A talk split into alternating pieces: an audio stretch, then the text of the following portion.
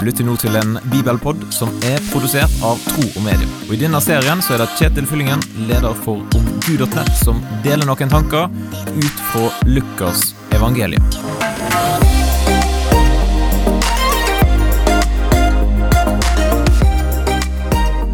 Har du noen gang fått et oppdrag som virker altfor stort? En utfordring som du ikke helt kan forstå at det skal være mulig å gjennomføre.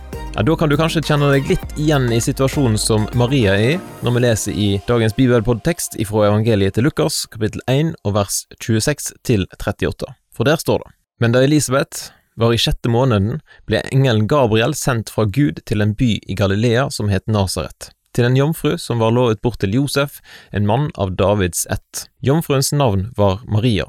Engelen kom inn til henne og sa, Vær hilset, du som har fått nåde, Herren er med deg. Hun ble forskrekket over engelens ord og undret seg over hva denne hilsen skulle bety.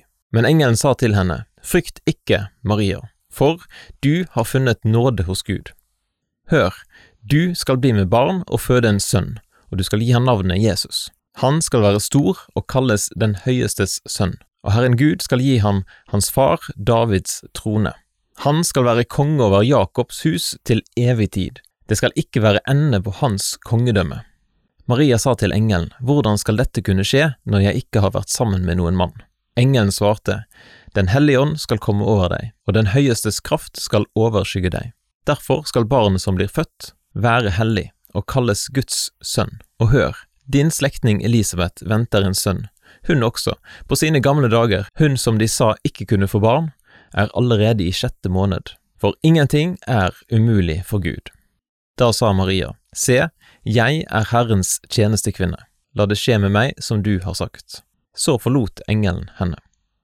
Det er litt av en jobbeskrivelse Maria får her, og det er ikke rart at det dukker opp et og annet spørsmål i tankene hennes. To ting som slo meg i dag når jeg tenkte litt på denne teksten her. For det første, Maria har tro på Gud, og det er jo bra, for ingenting er umulig for Gud. Men jammen har Gud òg ganske stor tro på Maria. Du gir jo ikke et stort og vanskelig oppdrag til noen som du ikke tror kan fikse jobben. Og Maria, ei ung jente, får her et stort ansvar. Har du tenkt på at Gud òg har gitt deg ei stor oppgave, et oppdrag som du er designet for å gå inn i? Paulus kaller det for ferdiglagte gjerninger, for Gud har tro på deg. Det andre jeg tenker på, er innstillingen som Maria viser. Sjå, jeg er Herrens tjenestekvinne, og la det skje med meg som du har sagt. Tenk om vi òg kunne møte de ferdiglagte gjerningene ifra Gud med en sånn innstilling. Det kan jo fort bli spennende. Hva tenker du om teksten her i Lukas kapittel 1?